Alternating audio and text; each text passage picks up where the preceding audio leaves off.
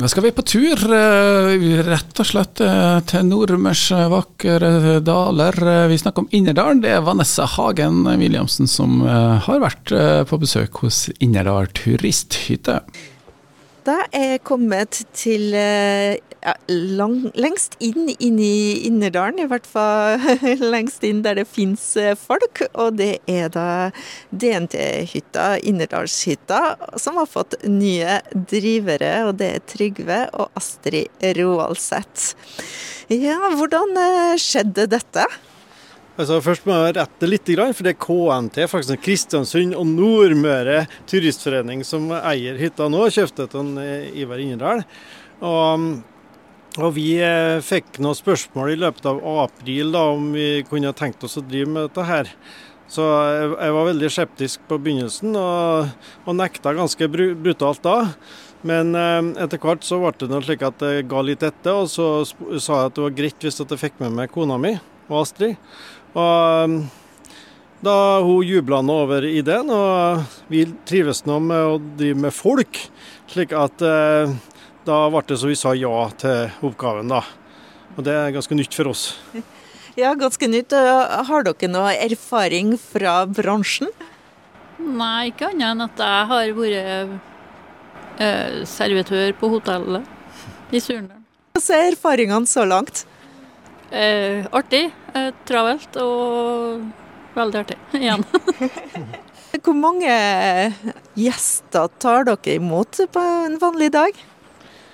Nei, det må du mest spørre Astrid om. for det, er hun som eh, står for all slags booking. Men så er det ganske, hvis været er godt, så kommer det ganske mange spaserende inn her. da, og Da er det fort det kommer 40-50 stykker. Altså, skal, og Der er vi har funka dårligst vil si, på daggjestene. For vi har ikke hatt vafler nok og, og sunndalsgrøt og rømmegrøt og like klar. da. Men eh, vi, vi, har prøvd å skjerpe oss, så vi skal bli litt bedre til hvert på daggjestene. Og så må Astrid svare på over overnattingene, for det har vært eksplosivt også. Ja, vi har hatt en 70 eh, senggjester for 14 dager siden. Kan man bare dumpe innom og se om det er plass, eller går det an å bestille noe? Han bør bestille før han kommer, ja. For at det er mange som har bestilt, og det er mange senger som er opptatt. Og så skal man, som du nevnte, vafler. Man skal jo også servere mat. Hva er det dere serverer?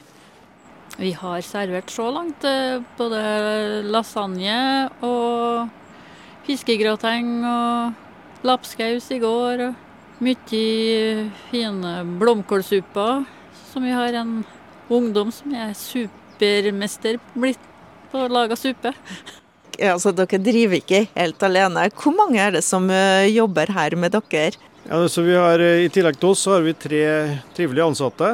Og jeg eh, må nå skyte inn at middagen vår har fått god omtale. Vi serverer nå både kjøttkake og, og, og, og biff med, altså, seibiff med løk og slike ting. Da, tradisjonsmat. Så det bruker vi nå ofte å ha. Vi har nå servert kjempestor tomatsuppe, 70 suppetallerkener en dag. Og da gikk vi faktisk tom. Det var mange som gikk tilbake og forsynte seg, som liker suppa så godt. Men det er på en måte vi føler at det er litt eh, straffa vi får for at vi lager, eller teamet på kjøkkenet lager så god mat.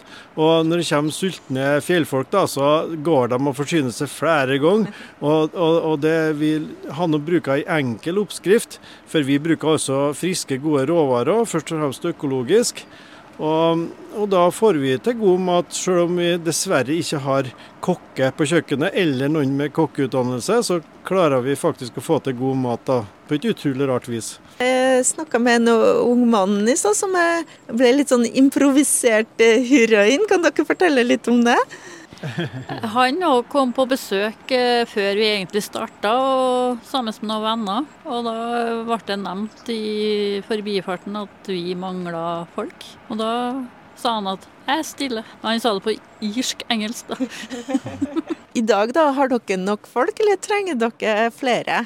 Vi får ei til som kommer nå til helga. Og da er vi fulltallige. Hvor lang er sesongen her for dere? Eh, Sesongen er sånn basis så er det fra skoleslutt til skolestart.